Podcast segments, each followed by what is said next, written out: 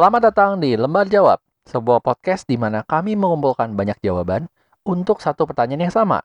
Gue Andri. Gua Faiz. Dan gue Bayu. Episode ini kita akan membahas mengenai film terakhir yang kamu tonton.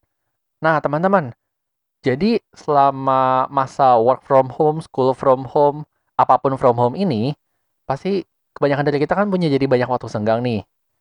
Nah, di sini tujuan kita episode ini adalah supaya teman-teman punya referensi film lebih banyak nih. Siapa tahu kalau misalkan kalian pernah pengen nonton film tapi nggak tahu pengen nonton apa gitu. Apalagi kalau bukan Netflix kan pilihannya banyak banget tuh ya, kadang-kadang sampai bingung. Nah, jadi semoga setelah teman-teman dapat episode ini, teman-teman bisa lebih ke arah nih, oh gue mau nonton ini. Dan semoga teman-teman bisa menikmati WFH yang lebih menyenangkan gitu. Nah, di sini kita sudah membagi hasil rekomendasi dari teman-teman pendengar ke dalam beberapa genre. Ada genre drama, ada Korea, ada horor, dan ada genre-genre lain. Untuk genre pertama, silakan. Ya, yang pertama akan kita bahas itu adalah uh, film-film blockbuster. Nah, yang dimaksud film blockbuster itu dulu tuh artinya blockbuster itu film yang menghasilkan banyak banget duit. Cuman uh, semakin ke Hmm. sini artinya tuh film tuh bisa disebut bahkan bisa disebut blockbuster sebelum filmnya keluar. Karena sekarang blockbuster tuh lebih fokus kepada film yang budgetnya gede banget dan fokusnya memang untuk menghasilkan duit.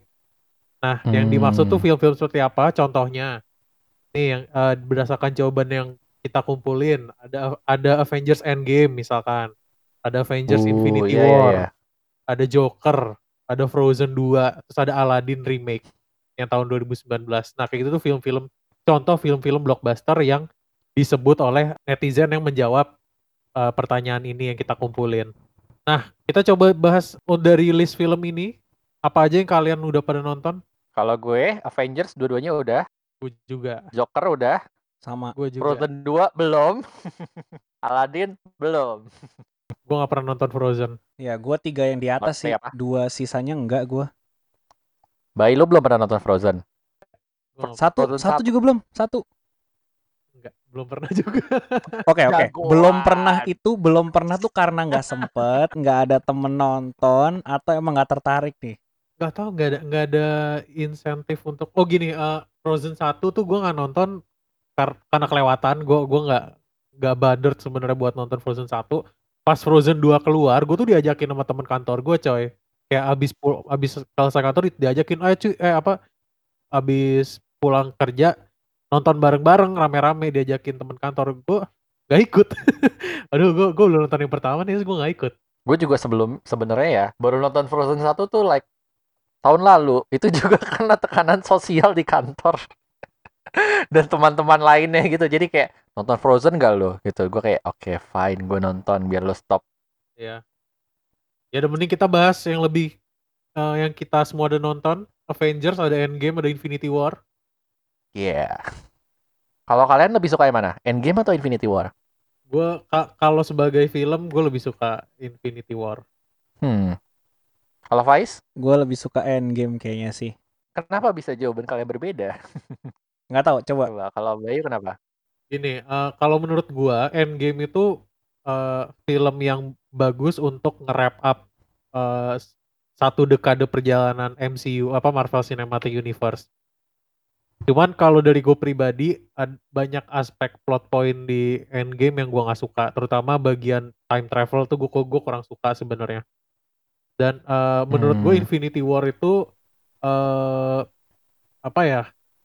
sebuah atmosfer baru aja di antara 20 Iya, gue something setuju, gue 20 setuju. something eh eh, apa namanya film-film Marvel Cinematic Universe. Kita kita akan spoiler ya by the way, kita akan spoiler. Ya, Nah, kalau belum nonton salah Iya. lo, sorry ya. Udah Kalau dua belum tahun nonton, nih. film ini tahun 2018 keluar. Kalau belum nonton salah lu sendiri. Infinity War tuh eh as far as I remember gitu ya, itu tuh film pertamanya Marvel yang kalah gitu loh. Iya. Perubahan atmosfer itu yang yang sangat gue appreciate dan sangat gue suka gitu sebenarnya. Walaupun Endgame Endgame bagus, gue suka juga Endgame. Tapi kalau misalkan dibandingin antara dua film ini doang, gue lebih milih Infinity War. Paling gitu Kalau Faiz gue. kenapa? Duh, sebenarnya sih kalau sebenarnya sih kalau gua nggak diminta untuk memilih, gua akan pilih dua-duanya ya. Cuman kan nggak bisa. Nggak eh bisa bro, gak, gak, gak. mungkin hal in, lebih apa ya? Alasannya mungkin lebih ke ini ya, alasan emosional kali nggak tahu gua. Eh gini, gua kan penci memang gue suka banget sama film-filmnya Marvel kan. MCU tuh emang bener-bener suka gitu dan ngikutin dari dulu Iron Man 1, 2, 3 dan lainnya tuh gue ngikutin gitu. Dan menurut gua dengan adanya film Endgame, bener kata Bayu, film Endgame itu memang film yang bagus untuk nge-wrap up semuanya dan sebagai orang yang ngikutin banget uh, MCU dari awal, setelah beberapa banyak filmnya dia, ini tuh jadi kayak wah ini penutupan yang grande banget gitu, mewah banget, keren banget. Terus ada beberapa gimmick flashback flashbacknya dan menurut gue itu uh, keren aja gitu loh. Gue sampai satu titik pas terakhir habis nonton Avengers Endgame tuh gue sempat mikir gila gue udah segitu banyak nonton F, apa film-film MCU dan ini puncaknya dan ini keren ditutup dengan keren banget. Gue bahkan sampai mikir apakah film-film MCU ke depannya bisa memberikan kejutan-kejutan yang menarik juga atau enggak gitu sih. Lebih ke arah sana sih gue milih Endgame gitu. Menurut gue nggak akan bisa ngetop sih itu feeling gue ya. Itu walaupun gue sering ngekritik Disney kita harus ngupload kesabaran mereka membangun MCU Marvel Cinematic Universe sampai bisa bikin Endgame itu suatu payoff yang satisfying gitu loh. Itu kan lama ya itu kan nggak nggak langsung yes, yes, yes. nggak langsung instan dalam tiga tahun lu berha apa bisa ngasih impact dalam zeitgeist kayak gini gitu loh tapi feeling gue mereka nggak akan bisa membuat Endgame yang yang baru sih itu take gue dari dari MCU. Masuk akal dua-duanya. Ya kurang lebih itu aja kali ya blockbuster. Iya ya. Pro, Frozen Mohon maaf, dua yang lain kita nggak nonton. Aladdin gue juga nggak nonton karena gue gue gue sebel sih dengan dengan Aladdin dan apa namanya Disney remake yang yang baru-baru yang film-film tua di remake jadi dalam tanda kutip live action mereka tuh bisa bikin apa namanya bikin film se life-like mungkin se senyata mungkin tapi itu sangat kosong gitu loh filmnya. Apalagi gue Lion King gue gue kesel banget Lion King yang remake anjir. Kalau kalau lihat yang di kartun kan kenapa itu kartun? Itu bisa nge mem, apa munculkan emosi se semanusia ah. mungkin kan tapi kalau misalkan yang Lion King yang remake itu kan mereka binatang ya facial emotion yang mereka tunjukin melalui iya. muka binatang itu kan sangat terbatas beda And, dengan manusia nggak uh, kayak nggak kayak dalam dalam animasi animasi 2D yang tahun 90-an itu keluar kan. Makanya tuh gue gue nggak nggak pernah nonton uh, Disney remake yang baru-baru gitu sih. Agak kayak nonton National Geographic kayaknya kadang-kadang iya, deh. Anjir, itu. Kenapa jadi National Geographic? Dan mungkin itu aja apa rant, next, next. rant gue dari dari eh, ocehan yang, yang ada di dalam hati gue mengenai Disney remake. Ya berikutnya. Oke, selanjutnya tadi udah blockbuster, sekarang kita pindah ke drama. Jadi uh, gua akan membacakan dulu ya drama-drama apa sih yang si yang para netizen ini menjawab gitu. Jadi pertama ada Patch Adams. Uh, ada penjelasannya buat tugas Sikes. Uh, Sikes ini tugas mata kuliah ya psikologi kesehatan gitu.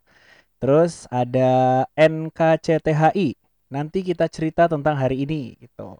Ada Wonders, Merit Marriage Story, ada The King, After Matthew. Ini film Indonesia uh, di, di penjawabnya bilang ini film Indonesia yang anak muda banget karena penasaran film romantis Indo yang baru gimana sih, makanya dia nonton gitu.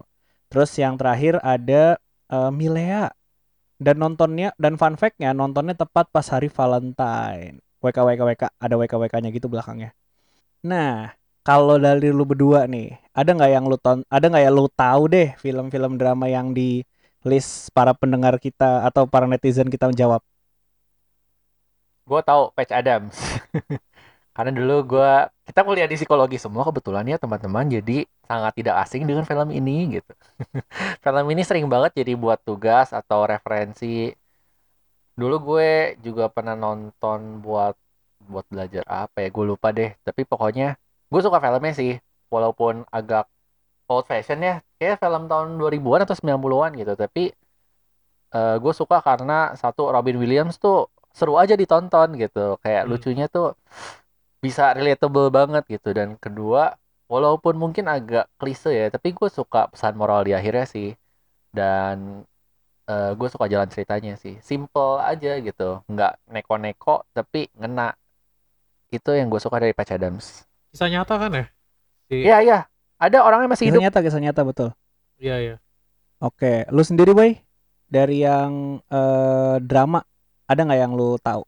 Tahu banyak yang gue tonton cuman Patch Adams. Gue pengen nonton Marriage Story, nggak sempet. Oh, oke oke oke. Hmm. Nah, eh ini kan ada beberapa film drama Indonesia nih.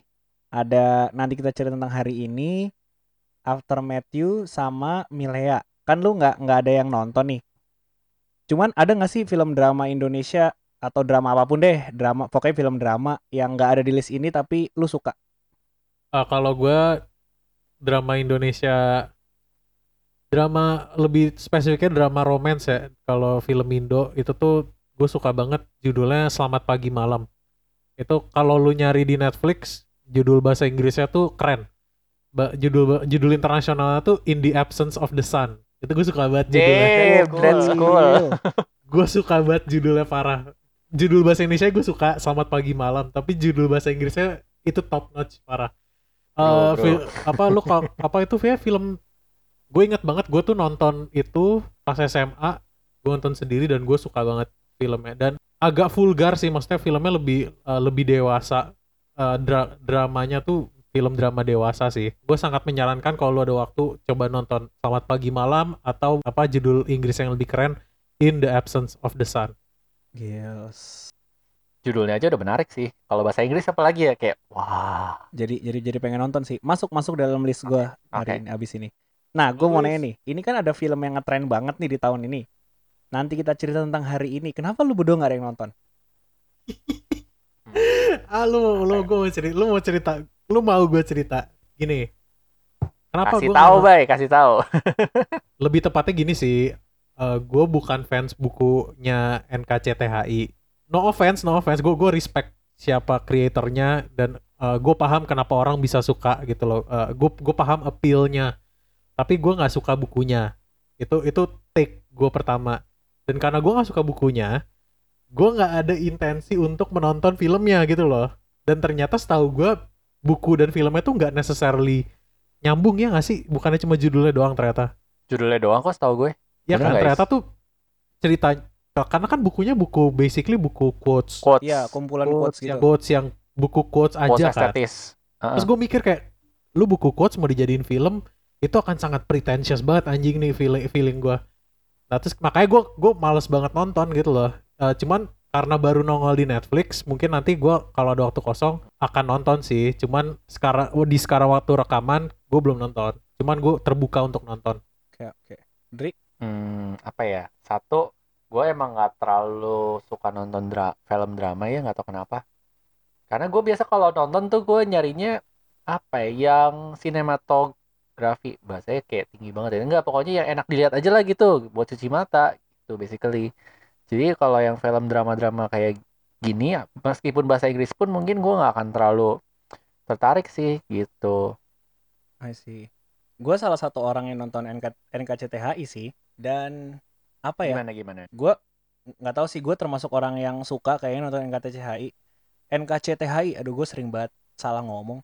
Ya pokoknya gue suka nonton film ini gitu maksudnya. Gimana ya? Menurut gue tuh hal yang gue tuh nggak nggak suka film drama ya. Jadi kayak gue selalu kalau diajakin nonton film drama tuh susah banget. Cuman kan ini hype banget nih. Gue orangnya kan penasaran banget ya. Udahlah gue tonton deh apa sih ini yang rame bener gitu. Dan eh menurut gue mungkin mungkin hal yang membuat film ini tuh jadi rame adalah karena film ini tuh dibuat kan temanya tentang keluarga ya. Jadi kalau ya udahlah agak spoiler dikit ya para pendengar. Kalau nggak mau di skip aja menitnya. Jadi film ini kan kurang lebih nyeritain tentang satu keluarga yang punya permasalahannya dengan biasa lalu kadang-kadang kan suka mendengar kayak kalau peranan di keluarga anak eh, paling tua tuh gimana, anak tengah tuh gimana, anak paling bontot tuh eh anak paling kecil tuh kayak gimana. Nah, itu tuh di NK NKCTH itu di eh, ceritain gitu cuy, apa namanya? konflik-konfliknya mereka masing-masing kayak gitu.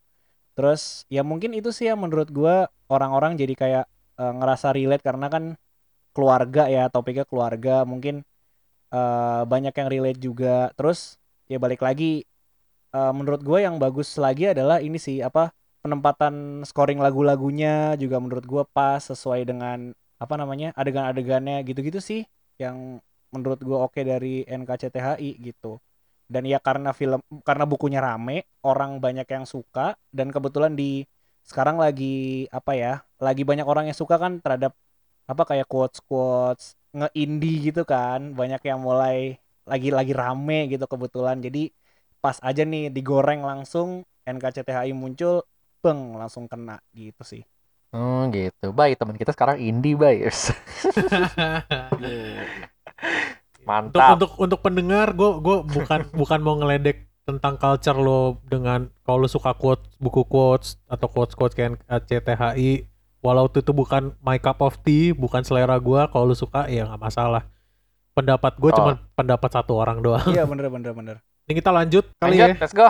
kita lanjut eh, kita masuk ke golongan berikutnya. Kita kita menggolongkan jawaban ini. Ternyata cukup banyak yang menjawab film-film Korea. Misal ada On Your Wedding Day ada Gonjiam ada Time to Hunt King Eternal Monarch. Ini gue gue sering banget ngeliat iklannya di Netflix tapi gue gak tertarik sejujurnya. Ada Swing Kids ada The Thieves ada Along with the Gods. Dan yang terakhir ada Parasite. Eh, pendapat gue mengenai pola jawaban dan eh, sekitar gue kalau ngomongin sinema Korea, gue cukup menyayangkan sih, maksudnya eh, banyak yang kalau ngomongin film Korea itu langsung mengasosiasikannya dengan drama Korea. Padahal apa namanya sinema Korea itu banyak yang bagus-bagus dan eh, nggak necessarily drama. Mungkin drama Korea nggak jelek, tapi yang yang paling gue genre yang paling gue suka itu juga ada di Korea itu film-film eh, thriller dan horornya. Lebih lebih ke thrillernya sih film Korea. Parasite itu kan eh, bisa dikategorikan sebagai thriller. Gue suka banget film Parasite. Cuman yes. eh, Me too. ya kalau eh, kalau film favorit gua film Korea favorit gua itu judulnya Old Boy. Kalau lu pernah nonton eh, gue suka banget gue, Old gue. Boy. Kalau lu belum pernah nonton dan kalau lu sering banget nonton drama Korea coba nonton Old Boy gue sangat gue gue nggak bisa gue gue nggak bisa ngomong ini tanpa tanpa nge-spoiler gitu loh apa Iya, Ya, iya. tapi gua- Gua gua- juga udah mau ngomong tapi tutup mulut, tutup mulut, Iya. tutup mulut. gue nggak mau nge-spoiler percaya sama gue ketika gue bilang lo harus nonton Old Boy itu adalah salah satu film Korea yang wajib tonton menurut gue kalau lu pada gimana Eh bentar bay, sebelum lanjut ke pendapat kita ada satu jawaban yang belum kebaca. Satu lagi namanya The World of Merit. The World of the Merit. Oh itu series bukan sih series, ya? Series ya? Ini series yang pelakor-pelakor itu lagi sih? yang rame Oh, banget yang- itu ya? yang rame banget ya di IG Ya ampun, IG, kesian bener dah. banget. Eh katanya Gua ada ini ya, ada komentar di IG-nya, eh komentar di sosial medianya si pemain itu, tapi komentarnya orang Indonesia, bener gak sih? Iya banyak Aduh, beneran anjing beneran tuh asli. malu-maluin banget True story. parah Nah, semoga pendengar podcast kita Aduh. bukan termasuk netizen-netizen itu ya. Semoga Iya. tolong jangan. kadang kayak gue gue gue sering bercanda sih apa gue kayak kayak gue sering gue pernah gue sering ngomong ke kalian berdua nggak ada netizen yang pinter. Nggak ada netizen yang pinter gue juga netizen Andri dan Faiz juga netizen kita juga nggak ada yang pinter. Pokoknya kalau lu lu berdebat di internet lu bukan orang pinter. Gue ngecapnya kayak gitu. Kalau lu kalau lu berbuat onar di internet lu bukan orang pinter berarti semua netizen nggak ada netizen yang pinter. Apa pun itu ya, gue agak geli sih ngedenger ceritanya. Ya ampun sampai segitunya loh dibawa ke kehidupan personal loh. tapi itu emang emang problem yang sering terjadi. Nggak nggak cu- sebenarnya tuh nggak cuman nggak cuma netizen Indo gitu loh. Kadang eh, aktor yang memainkan tokoh yang apa yang nyebelin yang yang bangsat atau yang melakukan melakukan hal-hal yang sangat-sangat tidak baik itu bisa kena bisa kena harassment dari orang nyata gitu loh padahal itu Iya, kan iya. karakter doang gitu Cuman kadang emang cuman yang lucunya gini, Bay. Gue tahu sih hal itu biasa terjadi. Cuman masalahnya nih, dia kan orang Korea nih si Do ini. Ini komentarnya orang Indo nih. Bagaimana dia paham dah sama Iya. komentarnya? Duh, udahlah memang kita tuh tidak bisa underestimate kebodohan orang Iya sih. Ya sudah lah ya. Sayangnya betul. Ya sudah. Ya, Tadi tuh terakhir Bayu nanya ini ya, apa eh, film Korea yang kita tonton ya? Ya mungkin yang lu tonton atau yang lu suka Nggak ada Gua yang ada nyebut satu, gua ada satu. nggak oh nggak ada yang nyebut Train to Busan ya di sini ya? Oh iya. oh ya Bener Train to bener. Busan juga Gila loh, konsepnya unik loh. Keren lah. itu salah satu film zombie yang gue suka tuh Train to Ya Busan bener, gue juga sih. Iya, iya. Gue ada satu dong titipan. Film Korea yang menurut gue paling berkesan sejauh ini. Tipis sama Parasite soalnya beda sih. Miracle in Cell Number 7. Oh iya, gue gue sering banget denger denger judul itu, tapi gue belum pernah nonton Gue sih. nonton waktu SMA tuh. Gue nonton waktu SMA, gue ingat waktu itu kayak guru guru fisika gue udah nggak tahu mau ngajarin apa ya gabut. Jadi dia setel aja tuh di lab fisika. Akibatnya sekelas menangis. Oh gitu. Iya ini ini siap-siap tisu sih kalau nonton ini sih menurut gue. Termasuk lu juga nangis, Tri. Gak ingat gue. Tipis, tipis. tipis. Kok tidak jujur Anda? Hmm, Kan empati saya diskon. Oke, kita langsung lanjut berikutnya kali ya. Yes. The next one adalah action. Di sini ada beberapa rekomendasi dari teman-teman yang sudah ngisi form, yang sudah partisipasi. Ada Extraction, ada Hotel Mumbai, ada Konstantinnya Keanu. Judulnya Konstantin berarti ya. Terus ada juga Ip Iya, Man iya. Park. Kalau teman-teman yang di sini, Faiz dan Bayu, bagaimana pendapat kalian terhadap empat film tadi? Apakah ada yang udah pernah kalian tonton? Gue pernah nonton Konstantin sih, cuman eh, itu udah lama banget dan Hmm. gue kayak nontonnya nggak full nggak full attention juga. Jadi gue cuman bayang-bayang doang, tapi tapi main ini ya gue gue cukup inget Kayak gitu. Hmm, Oke. Kalau Faiz? Kalau gua Extra- Extraction sih nonton gua. baru keluar. Baru baru baru, Baru. bulan dua bulan Iklan bulan lalu dua bulan lalu lupa gua. Bagus guys. Recommended gak? Gue suka sih. Lu kalau nonton The Raid, ini tuh kayak The Raid Netflix lah. Ya pokoknya gua gua pokoknya pas nonton ini tuh kayak kebayang-bayang The Raid, cuman bedanya Iko Uwais jadi brewokan nama gede aja gitu, diganti Chris Hemsworth. Jadi blonde. iya, jadi blonde aja gitu. Hotel Mumbai itu juga katanya bagus ya. Gue gue ngeliatnya di bioskop, gue ngeliat cuman nggak nonton sih. Belum pernah nonton gua. Hmm, Masuk lagi ke watching list. Entah ke berapa Ya, tuh. masuk ke Masukin dulu. Tambah lagi, tampung lagi listnya, banyakin. Oke, action. Ada yang mau ngasih rekomendasi personal mungkin? Dari Faiz atau Bayu? Wah, apa ya kalau action? The Raid, The Raid. Nggak tadi Faiz ngomongin The Raid. Kalau kalau pendengar belum pernah nonton The Raid dan The Raid 1 dan The Raid 2, nah itu itu film action Indo terkeren sih. Iya sih. Action Indo kayaknya nggak ada la- ada lagi nggak sih yang se- sekeren itu? Itu kayaknya banyak banget orang yang memuji dah itu The Raid itu memang. Iya, itu international success kalau The Raid 1 sama 2. Kita lanjut. Next. Oke, kalau tadi udah ngebahas soal yang kebanyakan live action live action, nah kita sekarang lanjut ke animation atau animasi. Nah di sini menariknya cuma ada dua nih, Ponyo sama Hello World. Cuman secara jujur gue belum nonton dua-duanya nih. Dari lu berdua udah yang nonton belum? Gue nonton Ponyo. Begitu gue lihat di jawabannya Ponyo, gue langsung kayak, oke ini gue nonton besok juga. Dan Ini Ponyo nih- beneran. Animasi apa sih, Dri? Ponyo ini film animasi Jepang. Jadi dia tuh produksinya Ghibli Studio. Sama kayak Totoro, tahu Totoro? Tahu tahu. My Neighbor Totoro. Atau apa ya? Spirited ya? Eh, Spirited Away ya? Spirited Away, iya iya itu juga Oh. Ghibli Studio ya. Jadi art style gitu-gitu deh. Gue suka sih nontonnya. Bukan karena ceritanya sih. Ceritanya B aja sebenarnya. Cuma karena kayak ya Allah dunia itu indah sekali, penuh warna, damai. Seger aja Gue gitu liatnya. gue lupa nama nama sutradara Hayao Miyazaki. Iya. Hayao Miyazaki ya kan Hayao Iya, iya, Miyazaki iya. itu yang Hayao sutradaranya. Miyazaki. gue gue gue kesel gue rada rada kesel sih gue gue orang yang hobi gue sebenarnya nonton film tapi gue belum pernah nonton film-filmnya studio Ghibli Sama sekali. Samsak belum gue itu selalu ada di ada di list nonton gue Hmm. kayak kayak Spirited Away apa namanya Totoro House Moving Castle itu tuh gue tuh pengen nonton itu loh cuman dia kayaknya dulu tuh gue nggak nonton karena aksesnya susah nyarinya susah nyari nyari filmnya dan sekarang karena ada di Netflix gue akan fix akan nonton sih Ya sih. Kalau lu Bay dari dua dua film ini, lu berarti belum nonton ya? Belum ada yang nonton ya? belum Ya udah rekomendasi film dari lu deh, animasi Bay. Waduh kalau animasi apa ya Atau atau film terakhir animasi lu deh yang lu tonton. Kalau animasi yang terakhir gue tonton bukan film sih, series. Gue gue lagi nonton series eh, BoJack Horseman. Itu animasi, highly recommended. Gue gue gue sangat ngerekomendasi kalau lu ada waktu dan mau berkomitmen untuk nonton film series eh, yang animasi. Gue lagi nonton BoJack Horseman. gue juga sangat menyarankan lu nonton juga gitu sih. Dri, kalau lu film terakhir animasi yang lu tonton apa? Eh, ada dua sih yang animasi favorit gue selalu. Satu South Park. Itu anak-anak empat emang emang rusak luar dalam, tapi lucu aja gitu ngeliatnya. Yang kedua Rick and Morty gitu. Ah, Rick and Morty. Itu juga dua-duanya rusak sih. Emang gue suka animasi yang karakternya rusak-rusak gitu.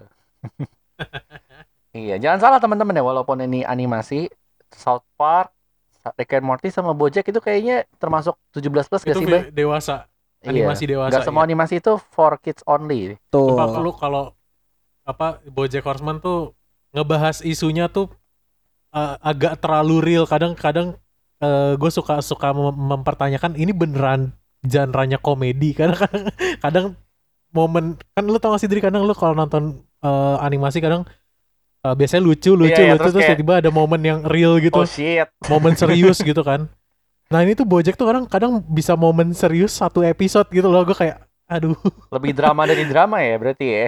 tapi tetap tetap komedi sih gue gue tahu Ah. kenapa itu komedi emang emang lucu sebenarnya cuman I see, I see. eh, tidak ngediskon isu-isu yang dibahas di eh, seriesnya gitu Kalau gua film terakhir animasi yang gua tonton apa ya?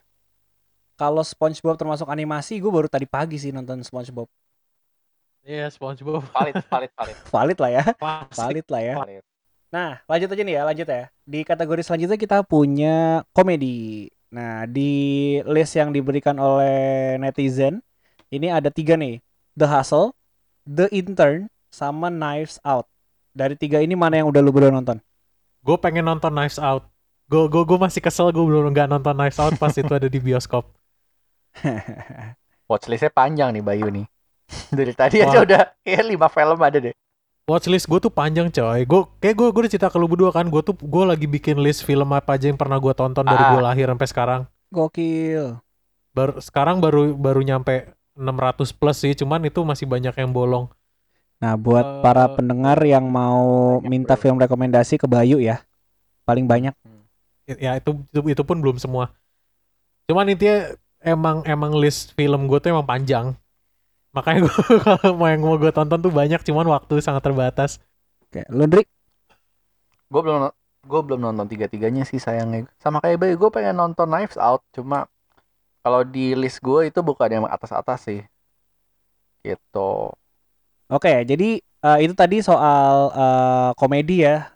Nggak nggak terlalu banyak sih rekomendasinya. Kayaknya pendengar kita lebih banyak ke yang drama, action dan eh, lain-lainnya gitu. Lanjut aja. Selanjutnya kita punya kategori apa nih? Nah, eh, kita akan masuk ke kategori favorit gua, ke genre favorit gua. Kita akan bicara membicarakan mengenai horor dan thriller. Nah, eh Andri itu nggak suka film horor loh, gengs. Kalau apa kalau untuk para pendengar Hah, yang belum tahu, ya? An-. Andri itu nggak suka film horor. Biasanya kalau kita kalau kita mau nonton film horor di kosan nih rame-rame, Andri itu kita paksa biasanya gitu.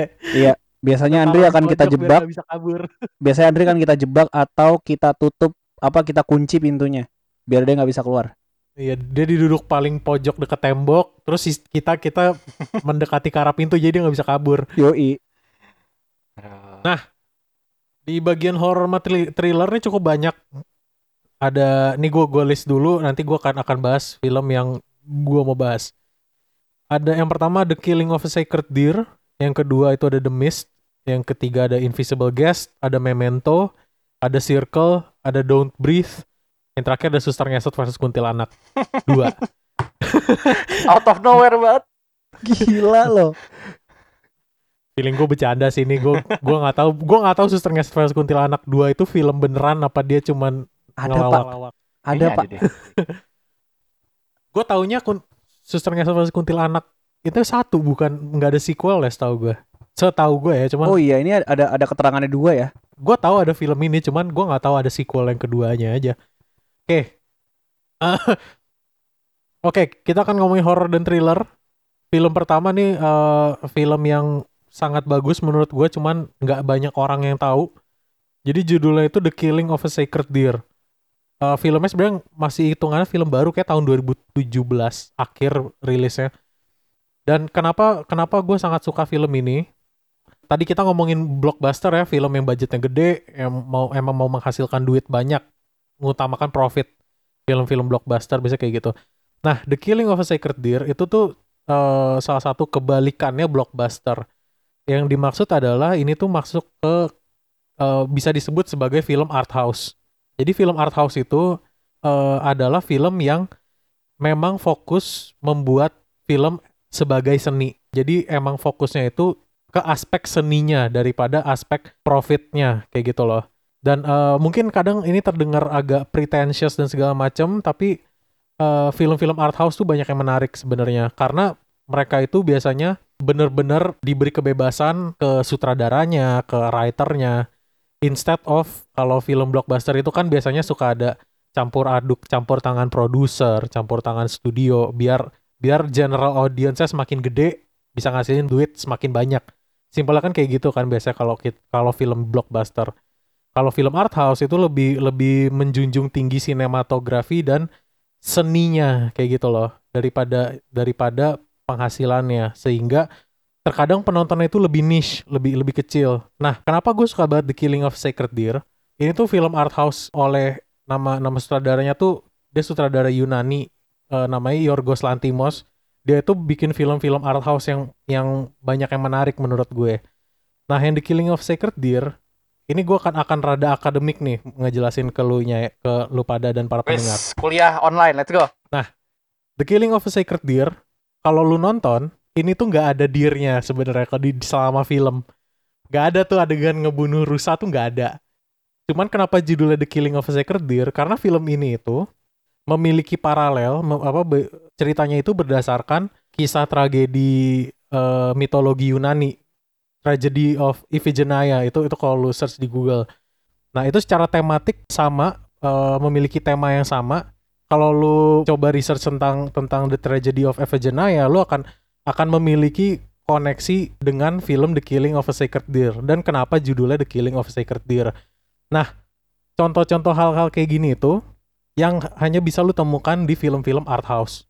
Lu jarang jarang menemukan hal-hal kayak gini di film blockbuster. Kenapa? Karena film blockbuster cares more about profit kayak gitu loh. Sedangkan biasanya film art house itu eh, lebih seru buat dianalisis kayak gitu loh. Biasanya tuh banyak banyak layernya kayak gitu. Kalau misalkan lu belum pernah nonton, coba nonton The Killing of a Sacred Deer. Filmnya rada aneh, cuman cuman tetap thrilling. Masuk lagi ke list kita. Masukin ke list. Masuk. Lalu film kedua yang ingin gua rekomendasikan dari list horror thriller ini itu adalah The Mist. Film ini tuh diadaptasi dari dari bukunya Stephen King. Lu tahu Stephen King kan? Tahu tahu tahu. Penulis uh, misteri horror yang yang nulis It itu juga Stephen King. Hmm, betul. Film The Mist itu ini mungkin adalah salah satunya film sti- adaptasi Stephen King di mana Stephen King lebih suka ending filmnya dibanding ending bukunya. Jadi di film ini endingnya itu agak beda dengan bukunya. Analoginya gini, bayangin uh, bukunya udah udah mencapai titik ending, filmnya itu uh, udah mencapai titik ending buku, terus di extend lebih panjang dikit.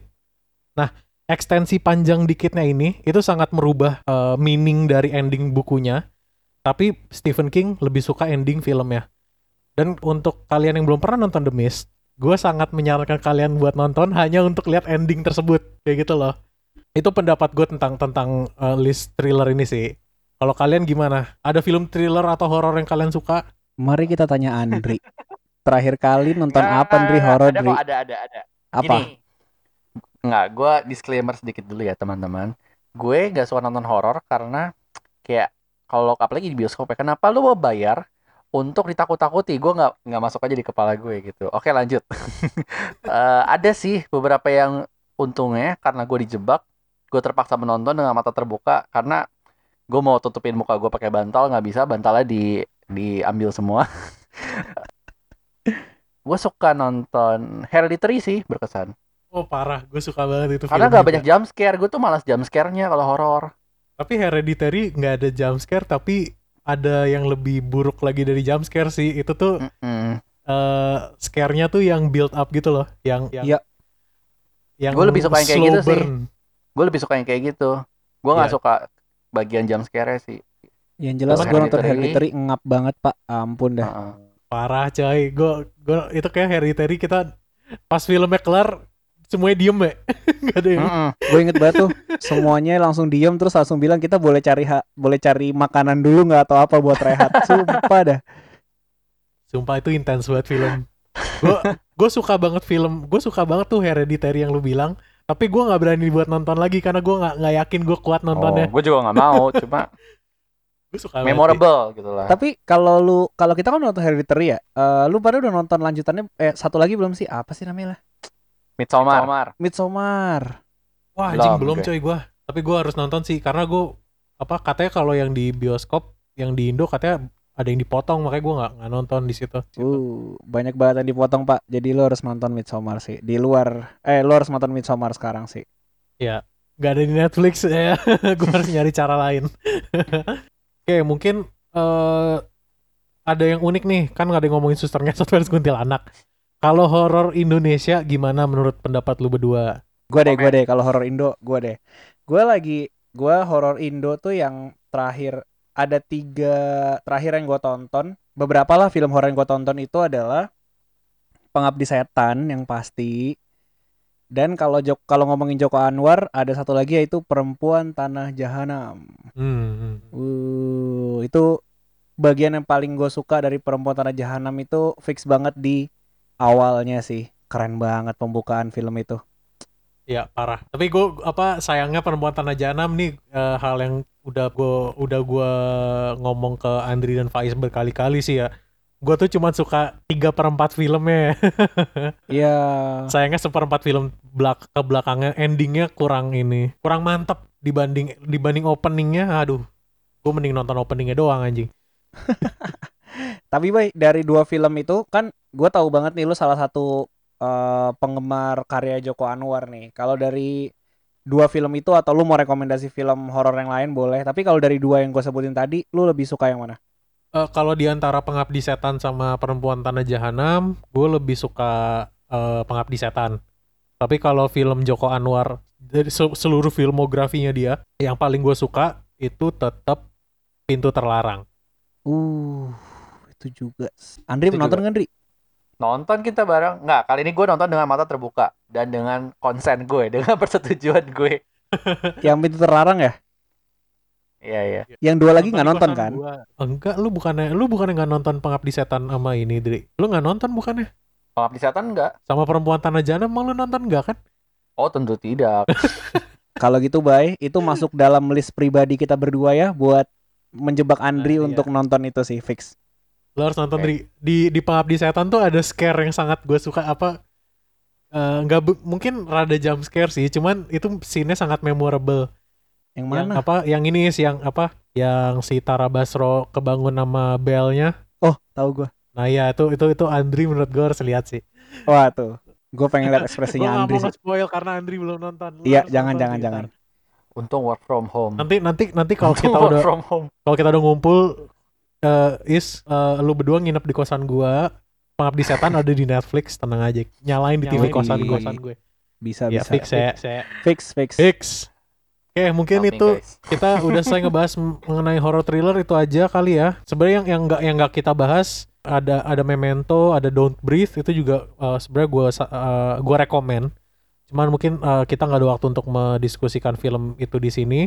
Kita mungkin langsung masuk ke kategori berikutnya kali ya. Yes. Kategori berikutnya adalah series. Di sini ada dua, dua yang disebutkan. Sebenarnya tiga sih. Tadi yang satu Word of the Merit, kita masukin kategori Korea. Di sini ada dua series lain nih yang menarik dan cukup populer dua-duanya. Ada Breaking Bad, ada La Casa de Papel. Nah, ada yang pernah kalian tonton guys? Dua ini? gua nonton Breaking Bad Aduh, gua enggak dua-duanya. Coba baik. What do you think of Breaking Bad? Eh, Breaking Sinopsis, sinopsis. Breaking Bad eh, sinopsisnya eh, premisnya simple. Jadi ada ada Hmm. guru chemistry, guru kimia kena kanker, terus untuk membayar mem- membayar biaya eh, apa namanya treatment kankernya dia jadi apa? Dia cooking meth. Dia bikin dia dia jadi drug drug supplier, dia dia bikin metamfetamin. Itu itu main premisnya. Cuman selama lima season lo itu mereka akan ngebahas banyak banget hal-hal menarik. Nih gue kasih sedikit kayak fun fact aja sih mengenai Breaking Bad. Jadi kalau lu buka IMDb, uh, Internet Movie Database, itu itu kan ada ada rating dari seriesnya, ada rating episodenya kan. Mm-mm. Jadi kayak Breaking Bad itu rating sebagai series kalau nggak salah 8,8 atau berapa gitu. Cuman eh, dari masing-masing episodenya itu 60 something episode kalau nggak salah total itu masing-masing episode punya ratingnya. Breaking Bad itu satu-satunya series yang punya episode dengan rating 10 per 10 di IMDb. Itu itu dan itu episode yang rada-rada akhir kayak eh, empat terakhir atau tiga terakhir gitu. Dan itu nggak ada yang punya rating setinggi itu episodenya selain Breaking Bad kayak gitu. Makanya itu lu harus nonton coy. Gue udah nonton sih dua episode atau tiga kayaknya kemarin ya. Akan nonton sih, watchlist lagi, watchlist, watchlist. Iya, Cuma Breaking nonton Bad- series tuh Eh, berat karena Iya. panjang. Breaking Bad menurut gua awal-awalnya rada ini sih rada slow. Menurut gua kalau kalau lu bisa nonton satu season itu lu akan ke hook untuk ngabisin seasonnya Hmm, eh ngabisin oke. sampai akhir menurut gua gitu sih. Sip, mantap. Nah, yang kedua teman-teman, La Casa de Papel. Kalian udah nonton belum? Gue mau nonton Money Heist. cuman apa namanya eh nggak tahu gue bisa komit atau enggak karena gue sekarang lagi nonton BoJack Horseman kan. Dan itu akan makan kebanyakan waktu, sih, makan waktu gue lagi. Watchlist lo kepenuhan. iya, iya coy. Faiz udah nonton belum? La Casa de Papel? Belum ya? Gak, belum. Nah, gue gue udah nonton nih kebetulan sampai habis. Nggak sia-sia sih nontonnya sih menurut gue. Berapa? Unik aja premisnya, karena premisnya unik aja gitu. Wah, Eh, tentang segelom sekelompok orang yang mantan kriminal penjahat dari berbagai macam lah. Mereka bersatu untuk merampok bank, tapi ada peraturannya gitu. Dan dan mereka ada ada satu yang ngatur namanya si profesor gitu. Ini tuh sebenarnya drama campur action, campur telenovela gitu, three in one lah. Gue suka aja nontonnya karena apa ya? Karena dia bahasa Spanyol, jadi ya hitung-hitung sedikit belajar bahasa Spanyol lah cara menghujat orang gitu. oh ini ini full Spanish gitu, Dri. Di kalau di Netflix ada ada dubbingnya bahasa Inggris tapi nggak enak. Enakan aslinya coy, lo merasa Iya, gue gue lo bener-bener gak suka dubbing sih. natural. Oh jadi Money La Casa de Papel tuh Money Heist kan? Iya. Itu tuh series Spanyol. Spanyol, Spanyol. Oh, Jadi dia tuh gue. sampai season 2 sebenarnya sampai season 2 tuh harusnya udah selesai gitu. Cuma karena masuk Netflix terus tiba-tiba populer lanjut deh season 3, 4 dan kayaknya akan ada season 5. Oh, Gitu. gitu. Fix nonton fix. Mm-mm. Karakternya ini sih menurut gue apa? Unik-unik dan relatable lah gitu. Lo harus nonton sih menurut gue. Ya. Oke, lanjut ke genre terakhir. Ini genre yang beda karena ini bukan film seperti yang biasa kita pikirkan, tapi adalah dokumenter. Di sini ada satu yang disebut Taylor Swift Miss Americana. Kalau teman-teman udah nonton ini belum? Kayaknya sih belum ya. Belum. Iya, enggak. Gue gak tertarik mengenai Taylor Swift aja sih makanya gue gak nonton. Iya. Bukan karena gue gak suka dokumenter. sih. Betul, betul. Mari kita ganti pertanyaannya. Apa dokumenter terakhir yang kalian tonton dan kalian suka? Uh, apa ya? Aduh, apaan ya? Jadi gue agak mix, mix feeling dengan dokumenter sih, karena dokumenter itu menurut gue sangat bisa sangat informatif. Cuman terkadang dokum nggak semua dokumenter itu objektif. Itu yang sangat gue sayangkan. Karena gua karena gue suka banget sebenarnya dokum, nonton dokumenter. Karena dokumenter itu kan kisah nyata ya, eh, lebih intens aja karena lu tahu ini ini beneran terjadi. Cuman sayangnya kadang dokumenter itu nggak objektif dan punya agendanya sendiri Yes. dan itu eh, ya sangat disayangkan aja. Eh gue nggak inget sih yang terakhir gue tonton, cuman eh, beberapa dokumenter yang kayak yang terakhir gue tonton tuh namanya Free Solo. Free Solo. Jadi Free Solo itu dokumenter tentang eh, orang namanya Alex Honnold. Eh, Alex ini itu dia pendaki pendaki tebing, pendaki tebing, cuman dia dia ingin melakukan namanya free solo. Jadi free solo itu mendaki tebing tanpa pengaman gitu ya. Jadi eh, dia mau ngedak ngedaki tebing. Target dia di di dokumenter itu dia ingin mendaki tebing namanya El Capitan. El Capitan itu gue lupa di mana spesifik lokasinya tadi somewhere di Amerika. Tinggi tebingnya itu sekitar satu kilometer. Satu kilometer ke atas dia manjat eh, manjat itu free solo tanpa pengaman apa pun bener-bener cuman eh, badan sama cok sama apa namanya eh, pakai sepatu dan segala full full gear tapi mereka dia nggak pakai pengaman sama sekali itu disebut free solo dan dia lakukan sendiri.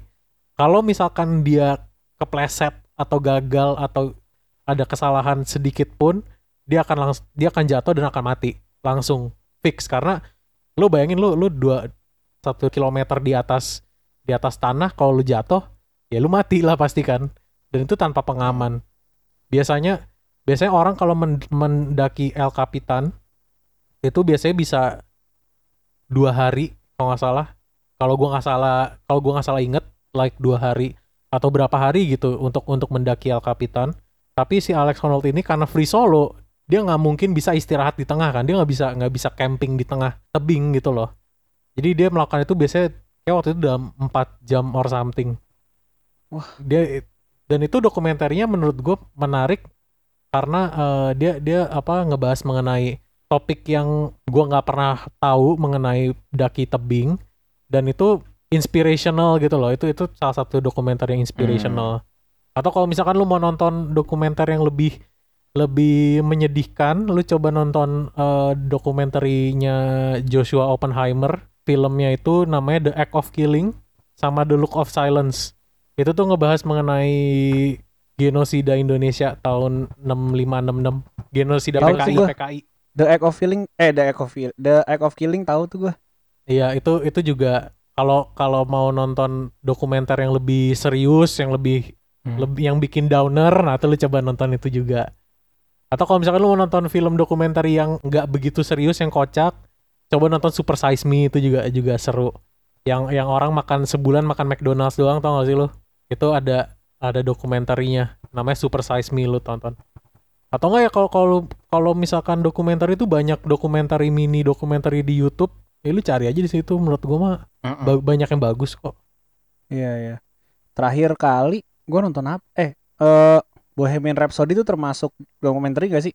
enggak itu biopik itu Apa tuh biopic? biopic itu dramatisir gitu loh. Basically itu uh, kisah kisah seseorang, biasanya kisah orang terkenal atau apa, diangkat jadi film sebagai production film gitu loh.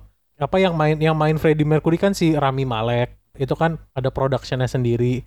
Beda misalkan kayak dokumentari, gue nonton dokumentarnya The Beatles, judulnya Eight Days a Week. Itu tuh dia nge ngewawancara apa namanya berbagai macam orang, footage-footage yang udah lama itu tuh dikumpulin. Jadi jadi Eight Days a Week itu ngebahas mengenai masa Beatles mania, Beatlemania, zaman-zaman The Beatles lagi apa dia non-stop touring sama berapa tahun dan bagaimana itu mem- mem- memberi dampak yang buruk ke The Beatlesnya sendiri. Nah itu itu dokumentari karena mereka memberikannya secara faktual, lebih fact based daripada eh, drama kayak gitu. Nah kalau Bohemian Rhapsody itu lebih ke biopic kayak Bohemian Rhapsody, Rocketman, Straight Outta Compton itu tuh eh, dari kisah nyata diadap jadi film. Nah itu biasanya biopic kayak gitu. Oh, gila gila. Ilmu baru buat gue ya yang nggak terlalu ngerti gini-ginian ya. Cuman ya Hmm. berarti kayaknya kalau dalam kesimpulan gue apa? Gue nggak nggak inget sih film dokumenter yang gue tonton. Lalu Dri, Film dokumenter terakhir yang gue ingat gue tonton The Great Hack. Jadi tentang kebocoran data Facebook. Nggak terlalu wow banget sih. Wah, Cuma ya tambahan ins- inspirasi, bukan inspirasi, tambahan pengetahuan yang menarik lah bahwa data yang kita punya tuh diperjualbelikan guys gitu loh. Jadi be careful what you type on the internet gitu. Itu aja sih. Oke teman-teman, semoga setelah mendengar episode ini teman-teman bisa dapat ide mau nonton apa selama WFH ini. Semoga dengan ini WFH teman-teman juga menjadi lebih menyenangkan. Nah, thank you for listening. Jika ingin berpartisipasi di episode-episode berikutnya yang pasti nggak kalah seru, jangan lupa untuk follow kami di Instagram @lembarjawab, lalu isi link di bio kami. Dan sampai jumpa di lembar berikutnya.